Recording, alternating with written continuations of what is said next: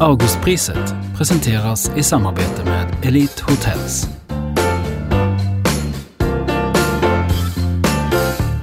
Hej och varmt välkomna till Augustpodden. Jag heter Yukiko Duke och här i studion med mig så finns två av årets Augustpristagare. Elin Kullhed som igår mottog årets Augustpris i den skönlitterära klassen för romanen Eufori och Nils Håkansson, Augustpristagare i den facklitterära klassen med boken Dolda gudar. Grattis båda två! Stort tack! Elin, alltså jag måste få ställa den här idrottsfrågan. Hur känns det? Det känns fantastiskt. Eh, jag är otroligt hedrad, eh, stolt, glad. Det känns som ett erkännande. Eh, och jag är väldigt överväldigad och också i chock fortfarande faktiskt.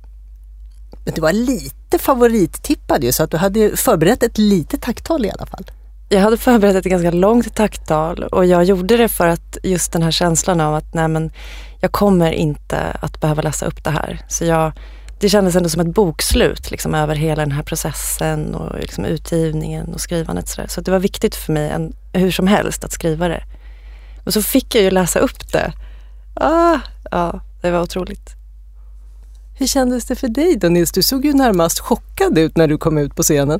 Ja, jag var nog lite chockad också. Jag, jag hade väl inte trott det riktigt faktiskt. Ehm, så att det, en det, bok om översättning skulle kunna vinna Augustpris?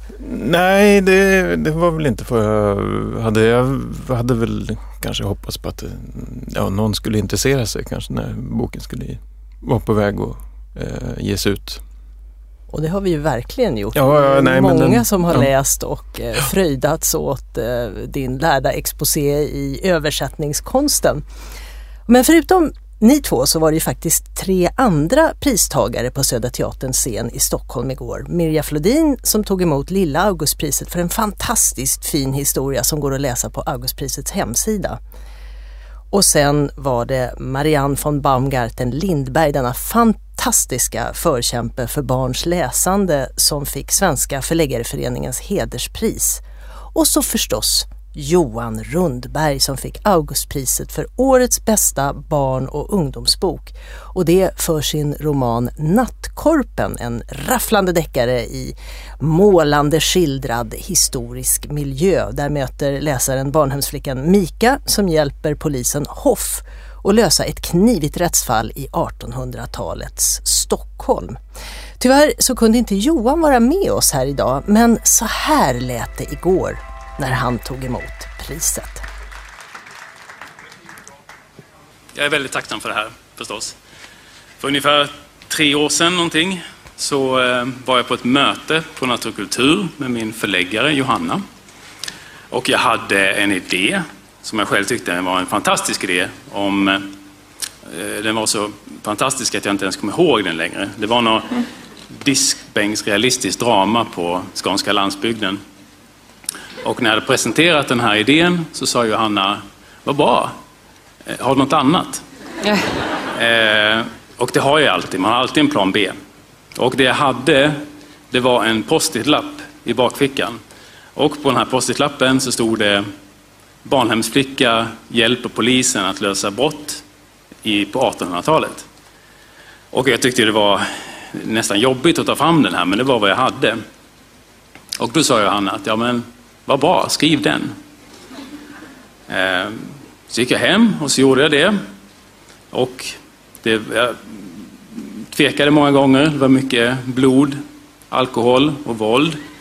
Och jag tänkte, vem ska läsa det här? Eh, men det ordnade sig. Och en annan sak som har slagit mig, nu kom Nattkroppen ut i januari och jag har aldrig varit med om att så många vuxna människor har kommit till mig och sagt att, eh, med lite förvåning i rösten att jag tyckte faktiskt om den här boken. Den var riktigt rolig och spännande. Och det tror jag inte har så mycket med nattkorpen att göra, utan det är att man läser för få barnböcker. Eh, det går utmärkt att göra det. De är vanliga böcker. Eh, så att eh, det kan jag uppmuntra till. Och jag vill, jag vill tacka Naturkultur allihop. Johanna, Hanna, Bonnie, allihop. Eh, för att ni har trott på mig och Alvaro Tapia som gjort omslagen och min fru Anna som är här ikväll. Tack snälla. Ja, Johans bok den börjar ju med några nerkrafsade ord på en post-it-lapp. Men Elin, hur började din roman Eufori som ju handlar om en verklig person, den amerikanska poeten Sylvia Plath? Ja, men den har många liksom, starter, eh, den här boken. Ehm, så att ett svar är ju att det började ett, eh, ett halvår efter att jag hade skrivit eh, Gudarna, eller att Gudarna hade kommit ut, min första bok. Ehm, och och eh, jag började skriva då utifrån den här bilden, eh, en, eh, ett konstverk av surrealisten Magritte ehm, som heter ehm, De älskande. Det är två, ett par där de kysser varandra men de har skynken över sina huvuden och liksom är beslöjade men ändå liksom i en omfamning och kyss.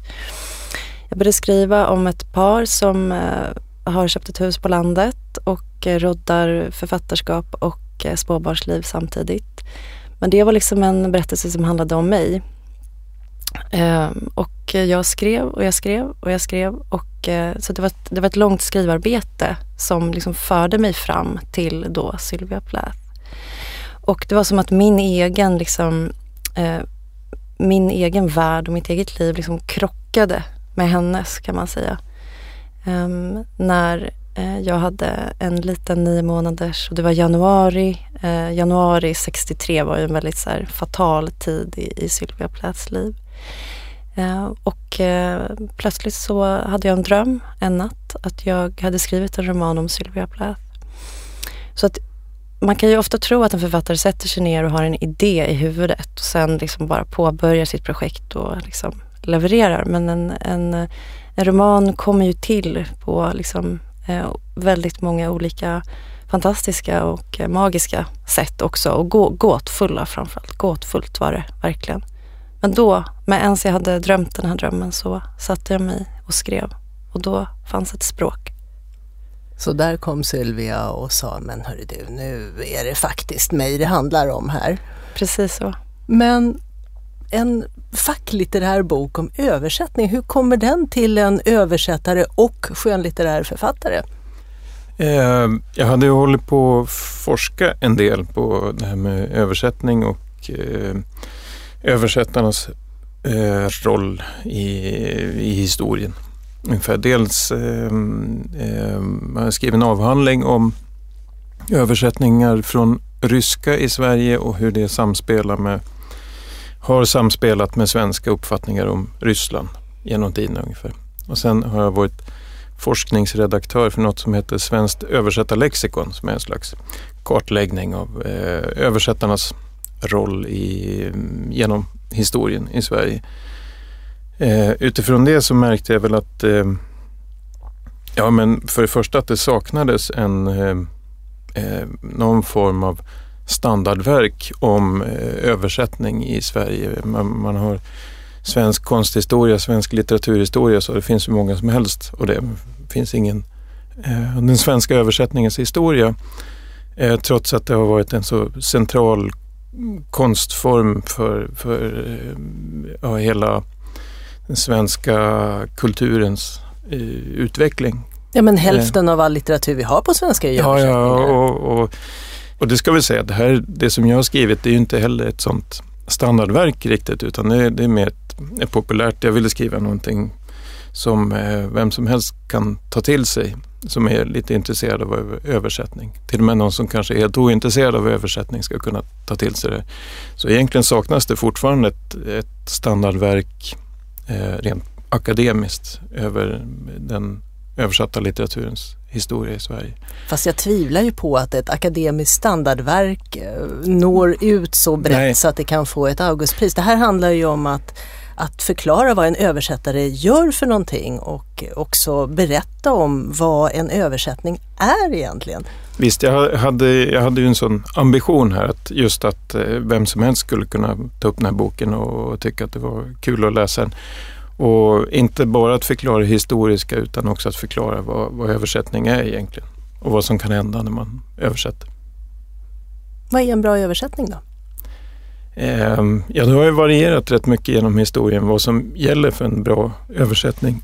I vår tid så har vi en, en uppfattning om att eh,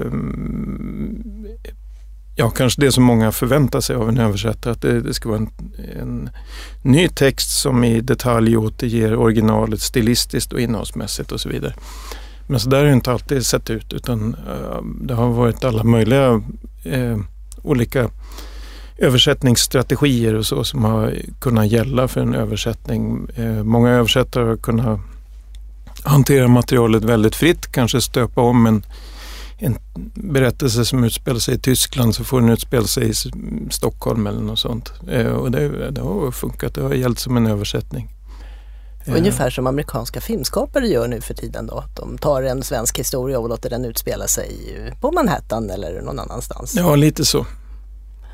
Det här med, med bundenhet och frihet är ju någonting som kommer igen gång på gång på gång på gång på gång i din bok. Alltså hur ska man förhålla sig till det origin, or, originalverket? Det är ju lite grann det du sysslar med i din bok också. Du har, utgår ifrån en verklig person um, och vi som har läst oss in oss lite grann på Sylvia Plath, vi vet ju att det följer i stort sett, det följer hennes liv. Mm. Den sista tiden i hennes liv kanske framför allt. Men vi är ju vana att se en bild av Sylvia Plath som ångestfylld, eh, nattsvart, kämpande med sina demoner. Och här möter vi en människa som är en lycklig mor. Det handlar ju väldigt mycket om moderskap. Mm. Sylvia Plath är ju en extremt mångfacetterad person. Hon har så otroligt många bottnar och många ansikten och förklädnader. Och det där depressiva, det finns ju väldigt, väldigt mycket i hennes dagboksskrivande. Där, där är det som att hon tillåter sig att liksom vara den här tunga och liksom melankoliska och det, det, det mörka liksom som drar ner henne hela tiden och självtvivlet och självhatet. Sen har hon ju, hon kan ju skriva samma dag som hon har liksom författat någonting väldigt mörkt i dagboken så kan hon ju skriva ett så här helt jublande brev till sin mamma då framförallt men även till andra. Hon var ju en flitig brevskrivare. Ehm, där hon visar upp ett annat register och eh, det är ju såklart att båda sidorna eh, är sanna eh, och att vi människor är ju otroligt mångbottnade och fulla av motstridighet och komplexitet. Och jag tror att det är också därför som många kan ehm, känna igen sig och se sig själva en del i den här texten, vilket jag har förstått att många gör faktiskt. För vad du gör är ju, du kryper ju under skinnet på henne. Det är ju inte det här vanliga som, som vi är vana vid, ett biogra biografiskrivande där man vördnadsfullt närmar sig den här författaren som man skriver om. Mm. Utan du kryper in under skinnet på Sylvia Plath och är Sylvia Plath, mm. tillåter dig det. Så att ja. du åker med Sylvia Plath eh, hiss i tillvaron från det här jublande euforiska ner i det som är hissens eh, slutdestination, någon sorts mm. bottenlöst mörker. Absolut. Jo men för mig finns det ju en vördnad i det där att på något sätt eh, skapa ett, ett, en, eh, ett uttryck i den här karaktären då som skulle kunna kännas sant och riktigt och levande och liksom göra någonting nytt av den liksom stelnade bilden då Sylvia Plath som död helt enkelt. Um, så för mig är det en vördnad att, att vilja krypa in under skinnet och säga någonting någonting nytt, föreslå någonting annat liksom än det här um, avkapade och mörka och, och um, ensidiga som um, många har som bild av Plath. Det handlar ju väldigt mycket om moderskap också. Din första mm. bok, Gudarna, som var en ungdomsbok, uh, handlar ju om en grupp flickor som slåss mot patriarkatet och som är just det där steget mellan tonårstid och vuxenhet. Och här har du en kvinna som färdas från ett vuxet stadium till moderskap och skrivande och befinner sig mitt i steget där. Mm. Ja men precis, det är slags, ehm, alltså både i min debutbok och i Eufori så handlar det väldigt mycket om att språket är ett medel till frigörelse. Um, och att uh, ta tillbaka på något sätt makten över vem som skriver ens historia och eh, man, hur man formulerar um, sitt liv i världen. Liksom. Um, så för mig är, det, är steget inte jättestort mellan de här texterna heller. Men, men, uh, men Plath är ju verkligen som du säger, hon är ju i moderskapet och hon är liksom i den här brytningspunkten väldigt mycket. Och hon är, framförallt i eufori så är hon också i en, en tid då hon förstår att de liksom uråldriga moderskapstrådarna liksom drar henne på något sätt tillbaka in i gamla strukturella mönster.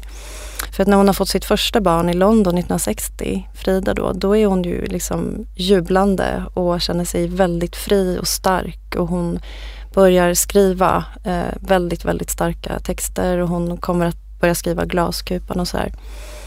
Eh, så hon står ju i en slags, eh, verkligen en frigörelseprocess. Men sen så föds det andra barnet och då har de flyttat ut på landet och det är väldigt många saker som sätter käppar i hjulet för Sylvia Plath som liksom en fri kvinna i världen och en fri författare också. Så hon dras liksom in i det som hon absolut inte vill dras in i, som hon har sett hos sin egen mor då, som eh, själv blev ensamstående förälder och eh, blev sekreterare fast hon hade litterära ambitioner sådär. Ehm, mm. Och samtidigt så älskar hon ju sina barn. Det finns ju en sån kärlek till de där barnen som avspeglar sig i mycket av det hon skriver. Ja men det är också en, en idé som man ju får ja, eftersom självmordet är så tragiskt så är det som att man liksom förutsätter att Plath eh, inte skulle ha älskat sina barn. Men det är ju så centralt i, i Sylvia Plaths eh, skrivande och liv, hur mycket hon älskar dem och hur hon vill göra allt, precis som varje mor. Eh, göra allt och, och, skydda dem och hålla dem borta eh, från eh, ja, allt ont, så som man vill med sina barn. Så det var väldigt viktigt. Eh, också viktigt att framställa Plath som, eller föreslå liksom Plath som en person som både kan vilja kasta loss från familjens klor eh, och samtidigt vilja vara där 100 procent. Det är ju en klyvning som jag tror är väldigt evig faktiskt. Som jag tror att många känner igen sig i också. Mm. Bundenhet och frihet på ett helt annat plan. Det är ju också vad du skriver om Nils i, i din betraktelse över översättningskonsten. Just det där, hur fri får man vara? Ja, hur fri får man vara som översättare? Um, ja, det blir lite samma svar som på förra frågan. Det har varierat väldigt mycket i olika tider. I princip... vad, är det som har för, vad, vad är det som har föranlett att det har varit olika? Borde um, inte en översättning vara en, ett överförande korrekt av texten, både intention och konstnärligt? Jo, numera så är det väl det. Men eh, det, det, har, länge så såg man väl på översättning som att ehm, man genom översättning så skulle man utvidga och i någon mån skapa den svenska, upprätta en svensk litteratur eller en svensk dramatik. Det, eh, det saknades ju länge i Sverige en, en, eh, en utvecklad eh, konstlitteratur kan man säga. Eh, och det var till stor del genom översättningar som en sån uppstod först och sen så då fick man lite former och några idéer som man kunde härma som eh, originalförfattare.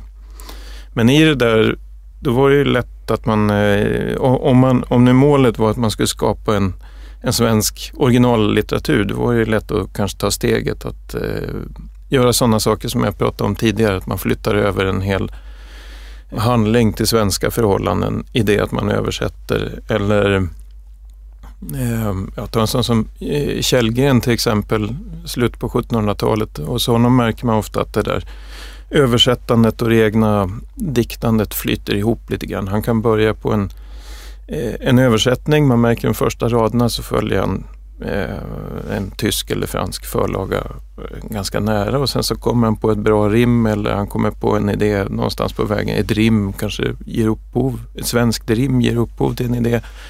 Och så då börjar han dikta på lite för egen maskin. Då vid den tiden så fanns det inte heller samma eh, före romantikens inbrott i princip så fanns det inte samma idé om att det var så viktigt med originalitet överhuvudtaget. Och då var det inte heller så viktigt med, med eh, originalet, eh, originalets särprägel och så, bevara det i detalj. Eh, det här med att, eh, den stora vördnaden för ett original ner i detalj, det är ju någonting, inte modernt, men, men det kommer in först med, med romantiken. I princip. Även tidigare så översatte man ju vissa verk mycket noggrant i, i detalj på ett, som vi skulle säga, modernt sätt. Eh, men det var nästan alltid verk då som var väldigt viktiga. Som eh, Gustav Vasas bibel till exempel översattes på ett i princip modernt sätt utan en massa konstiga tillägg. Men då talar vi om ordet, det stora ordet med stort, stort, stort ord. Ja, ja visst, men, men många andra eh, man, man, man, kunde ha en mer kanske pragmatisk inställning till det här med översättandet. Att eh, ja, men den här texten måste ju funka, det måste slå an hos de, de vi översätter till för. Menar. Ehm, och det där hängde, den där pragmatiska inställningen hängde kvar ganska länge för eh, lättare underhållningslitteratur. Om man ser så här mm, västernromaner och så, mitten av 1900-talet eller barnböcker också eh, kunde länge översättas oerhört fritt. Att man tänkte att ja, men det, här, det här ska inte svenska barn behöva stå ut med den här sortens eh, tramsigheter. Och då fixar man till det i översättarledet. Och det har ju skett ganska sent. Om man tittar på utländska översättningar av Pippi Långstrump till exempel så har man ju censurerat eh, vissa av Pippis mer vildsinta utfall mot eh, vuxenhet och eh, överordning. Så att det där hänger ju kvar, kanske i synnerhet i barnlitteraturen som fortfarande anses ha någon sorts uppfostrande eh, inverkan. Ja, det översätts väl inte sådär jättemycket barnlitteratur men, men eh, det, det, kan ju ske viss för, vad ska man säga, förfining kanske också. En del, ja, som jag har förstått, en del översättningar till engelska av svensk kriminallitteratur får ofta en, en lite mer höglitterär prägel Eh, Eh, de presenteras ofta som mer eh, genomtänkta samhällskritiska verk än vad de gör i Sverige. Där det där med samhällskritiken kanske ofta är lite en marknadsföringsklyscha på något vis. Så det kan ju gå åt det hållet också, att, att ett verk som är eh, mer tydligt underhållande i sitt ursprungssammanhang, det får en mer eh, Eh, ja, det tillskrivs en massa kvaliteter som egentliga samhällsskildringar i nya sammanhanget men också genom översättningen att de kanske slipar bort en del eh, ja, tråkiga grejer i originalet. Du har ju gjort en exposé över hur översättningar har sett ut i svensk litteraturhistoria som är oerhört lärd och samtidigt med lättsam hand. Det är ju det som, det låter ju kanske lite avskräckande på en och annan om man säger att ja, det här är en redogörelse för eh, översättningarnas historia i Sverige. Men det är ju fantastiskt roligt att läsa om alla märkliga personligheter som ägnar sig åt detta yrke som är översättarens. Det finns ju en hemsk massa nördar som verkligen har gillat att grotta ner sig i språk och på olika vis har, har bidragit till vår svenska översättningshistoria. Ja, jag vill, jag vill ju få till ett verk som vem som helst eh, skulle kunna läsa. Det är ju ett ganska torrt ämne i grunden. Eh, så det, ja, var, inte om man nej, får nej, läsa dig så är, minns man ju ja, att det finns ju otroligt men mycket roligt. På pappret då, så är det kanske ett torrt ämne. Men, nej, men det är ju många spännande livsöden eh, och det är ju en rolig grej med hela det här att eh, det här jag nämnde, Svenskt översättarlexikon det ett, som jag utgår ifrån väldigt mycket. Det är ett i grunden eh, biografiskt inriktat uppslagsverk det fanns en massa jättespännande livshistorier som eh, ja, var lätt för mig att utgå ifrån. Eh, från alla möjliga tider. Eh, och det där biografiska perspektivet på historien det gör det lite mer, ofta lite mer kanske begripligt vad, vad eh, det har, det har varit viktigt för att sätta in eh, översättarnas, eh, vad, vad de har gjort i ett sammanhang. Få, få läsaren och, och förstå lite var, varför höll de på så här på den där tiden. Med det biografiska eh, perspektivet så, så eh, begripliggör man och levandegör de här eh, eh, sakerna som på pappret då kan verka lite knastigt. Men det här med, alltså jag tänker när man översätter mellan olika kulturer. Jag tänker Eufori till exempel, Elin Kullheds roman, som ju är väldigt mycket ett sorts känslofladder är det ju faktiskt mellan raderna. Det är ju så oerhört mycket känslor som kanske inte nödvändigtvis står i vartenda ord men som läsare så drabbar den ju därför att det är så starka känslor.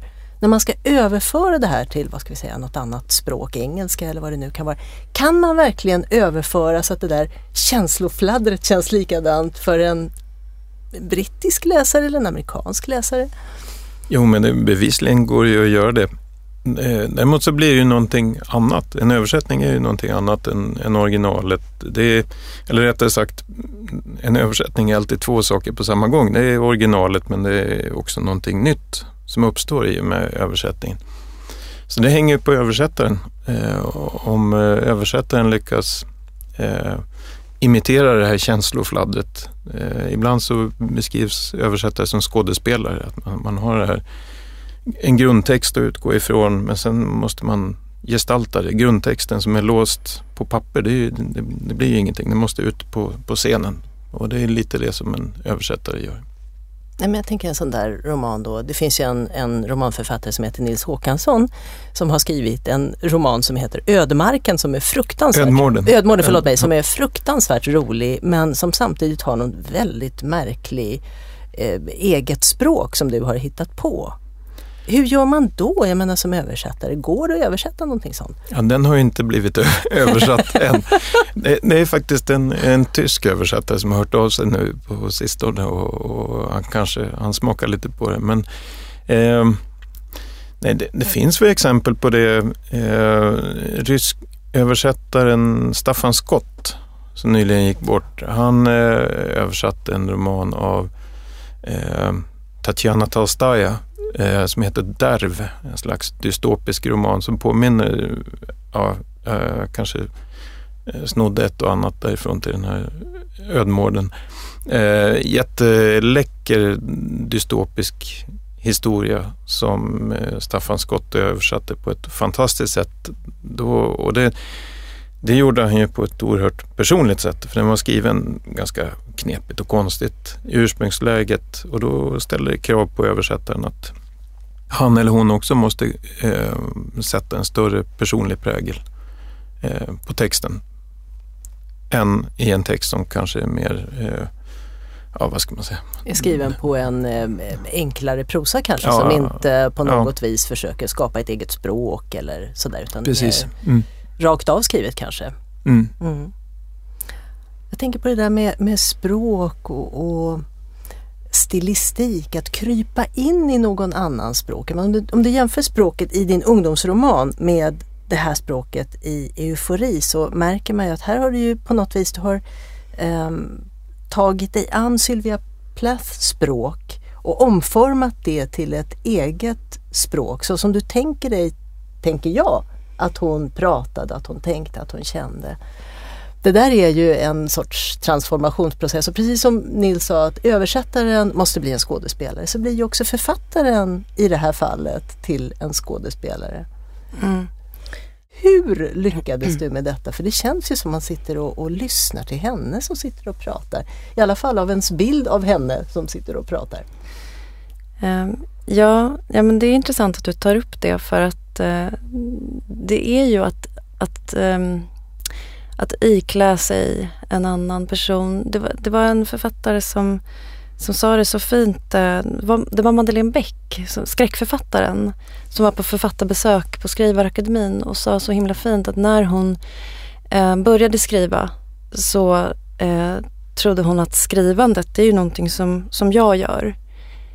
Och så sa hon, jag trodde aldrig att skrivandet var någonting som skulle liksom ta sig in i mig. Så. Att man liksom har en idé om att man är liksom den liksom förnuftet som liksom på något sätt skriver, det är jag på något sätt. Men, men det där är, jag, jag delar den upplevelsen med henne att, att skrivandet faktiskt också liksom tar sig in i en och eh, omvandlar liksom språk, erfarenhet, minne, Ehm, upplevelser, lästa, i det här fallet förstås väldigt många liksom lästa texter, källor sådär. Um, till liksom gör någonting helt, helt nytt av det. Um, och uh, att det liksom är, man känner sig lite grann som en, ett kärl på något sätt. Och så kommer det ut någonting ur en som är någonting helt också främmande för mig själv. Det är liksom den centrala upplevelsen för mig när jag har skrivit då fiktion. Att det här, va? Vem har skrivit det här? Det kan inte vara jag. Liksom. Och så är det då mina fingrar som skriver. Men det där är en väldigt, väldigt, väldigt underbar upplevelse. Och den vill man ju liksom bara återvända till igen på något sätt.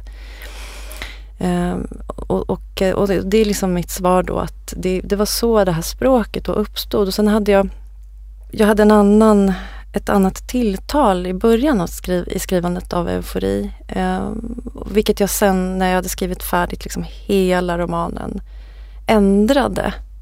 Så att det var liksom, jag skrev den på ett, i en form och sen, och i ett perspektiv egentligen. Och sen efter att allting var liksom färdigskrivet så insåg jag att jag skulle bli tvungen att ändra då från du-tilltalet som jag hade skrivit med till jag-form.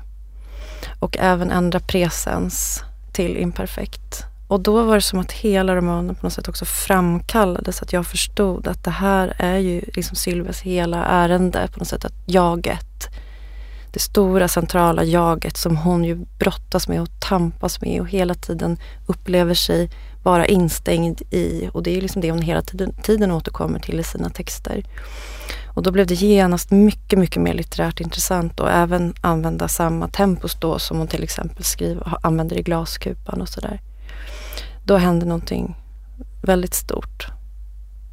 Hur kom det sig att du inte skrev i jag-formen från början? Var det en känsla av att men det får man ju inte göra? Ja, lite faktiskt. För att jag var tvungen liksom att lura av mig själv texten. Man får ju inte brå alltså förnuftet får inte komma in och bråka och störa och förstöra den här liksom otroligt, otroligt känsliga på något sätt skrivakten som man då öppnar upp för. Uh, och då eh, var det, det var min, min väg, min, mitt sätt att, att um, framkalla Silvia, att, prata, att tala till henne och där så lånade jag då uttrycket från Ted Hughes brev på födelsedagen för att han tilltalar Sylvia där. Och det är Ted så, Hughes, alltså hennes man? Hennes make. Och det var, det var, den kom ju ut 98 och det var liksom den första gången han egentligen sa någonting om detta stora infekterade sår. Liksom. Och det är ju en av jordens vackraste diktsamlingar. Men jag, ehm, jag ville låna det lite, alltså jag ville inte imitera det och sådär. Liksom, men, men skrivandet krävde den, um, den blicken på Sylvia, det tilltalet och att hon fick... Men sen, och det jag upptäckte sen var att i liksom överföringen då till jag-form så skapas, tror jag, alltså jag är inte säker men det var en läsare som så fint sa det här då till mig att så skapas den här dubbla blicken att hon både observerar sig själv, iakttar sig själv och är i sig själv. Och det är ju faktiskt det som också Sylvia, han, Sylvia Plath handlar om och gör och uttrycker. Hon, hon ville också få syn på sig själv genom en slags utifrånblick samtidigt som hon ville liksom bottna. Så det blev ju eh, centralt, tror jag, för den här boken och också centralt för oss läsare. Det är därför den går rakt in, därför att just den där dubbla blicken finns och vi förstår att det är det hennes författarskap i ja, nästan till 150 procent handlar om. Mm. Just den dubbla blicken. Mm. Och när man får den presenterad på det här viset så är det ju verkligen det är så otroligt starkt. Mm. Är, och jag känner samma sak när jag läser din bok Nils, fast det är en helt annan sorts bok. Att helt plötsligt så förstår man, jag översätter ju lite grann själv för all del, men jag har aldrig sett översättaryrket och översättandet som praktik så fint skildrad och så otroligt tydligt skildrat. Det är ju, dels är det ju en berättelse om alla människor som har slitit med översättningar under alla tidsperioder. Det är också en, en kulturhistorisk exposé, alltså hur, man, hur har man sett på översättningar och på litterära verk? Vad är ett litterärt verk? Eh, vad ligger det för kvaliteter i att överföra det mellan olika språk? Men sen är det ju också det här gnatandet som alla vi som, som jobbandet, slitandet med små konstiga formuleringar. Eller ska det vara ett kommatecken där eller inte? Får jag knipsa av en mening där eller inte när det inte är så i originalet? Hur fri får man vara som översättare?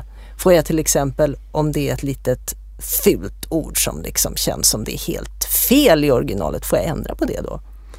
Eh, ja, det är upp till, till var och en så att säga. Jag menar det, det, det är nog ganska olika. Det är klart att någon form av, jag hade till exempel en översättning, jättebra roman förutom en, ehm, eh, det var en rysk roman jag översatte för ganska länge sedan. Som var en fantastisk bok. Jag ska inte säga vilken det var. Ehm, men på ett ställe så hade den en otroligt plump sån här i Ryssland ganska vanlig eh, sexistisk eh, grej som bara for med på sidan lite grann. Eh, som hade sänkt den totalt för en svensk läsare. Det, det, var inte jättegrovt eller någonting, det var, utan det var, det var, och det gjorde det nästan ännu värre för att det var bara någon sån här, i förbifarten där kan man väl säga. Eh, den eh, översatte jag inte. Nej. Till exempel, för det hade, eh, det hade och det, det kan väl vara problematiskt ur någon vinkel att eh, censurera bort det. Eh, å andra sidan så hade det varit synd på en så fin bok om den för det var, det var ingen bärande del utan mer ett uttryck för en, eh, ja, eh, en kulturell, eh, allmän kulturell inställning till, till något som inte hade med själva verket att göra egentligen. Och där skulle jag vilja säga att den gode översättaren har talat, den som verkligen har omtanke om författaren och verket och inser att aj, aj, aj, den där formuleringen den kommer ju sänka romanen totalt och så kommer ingen att vilja läsa den för att man kommer bara att lyfta fram den där lilla fåniga ja. formuleringen som är så olycklig. Visst, men blir det för många sådana fåniga formuleringar då måste de ju släppas igenom förstås för då är, då är det ju en del av verket på ett annat sätt. Ehm, så det, det är nog lite olika.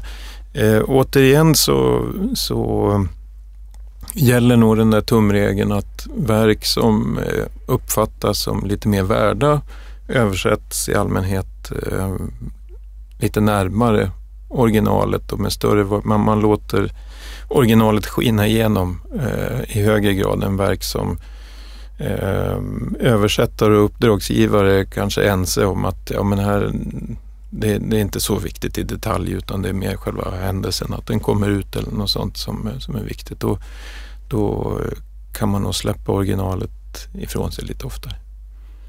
Lite grann handlar det väl också om att vi har en ganska slapp upp litteraturkritik som inte är särskilt noggrann vad det gäller översättningar och inte så bra och inte så kvalificerad på att bedöma översättningar heller. Nej, så är det ju. Det, det finns ju nästan ingen översättningskritik Eh, i Sverige, vilket eh, förstås är jättekonstigt med tanke på översättningskonstens betydelse.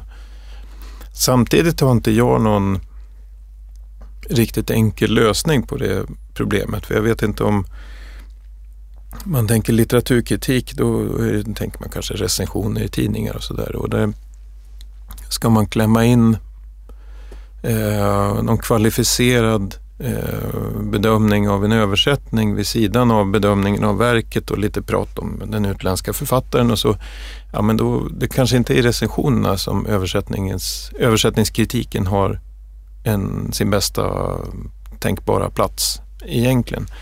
Däremot eh, så är det ju helt eh, obegripligt att det är så pass många recensioner av översatta böcker som överhuvudtaget inte nämner översättaren. Det är, det är som att eh, bedöma något utan att säga vem som har gjort det hela. Nej, och det där sker ju allt som oftast. Det har blivit ja. lite bättre. Förlagen det gör sitt till och, också. Och, ja, det har det och jag, jag, tror att kritikerkåren i allmänhet är, är, är, där är man medveten om det här problemet i vissa fall tror jag att redaktionerna kanske skär bort de här bedömningarna av eh, översättarnas insatser. Men sen så är det nog ett eh, mer eh, strukturellt problem var man ska placera översättningskritiken eh, egentligen också. Det får man fundera på. Ja, förhoppningsvis så får vi en lite mer kvalificerad eh, bedömnings eh, något sorts forum för bedömningar i fortsättningen därför att det är med tanke på att ja, hälften av vår litteratur faktiskt står på översättarben så, så är det ju faktiskt, det vore ju inte så konstigt om vi hade Nej. en sån, ett sånt forum. Mm.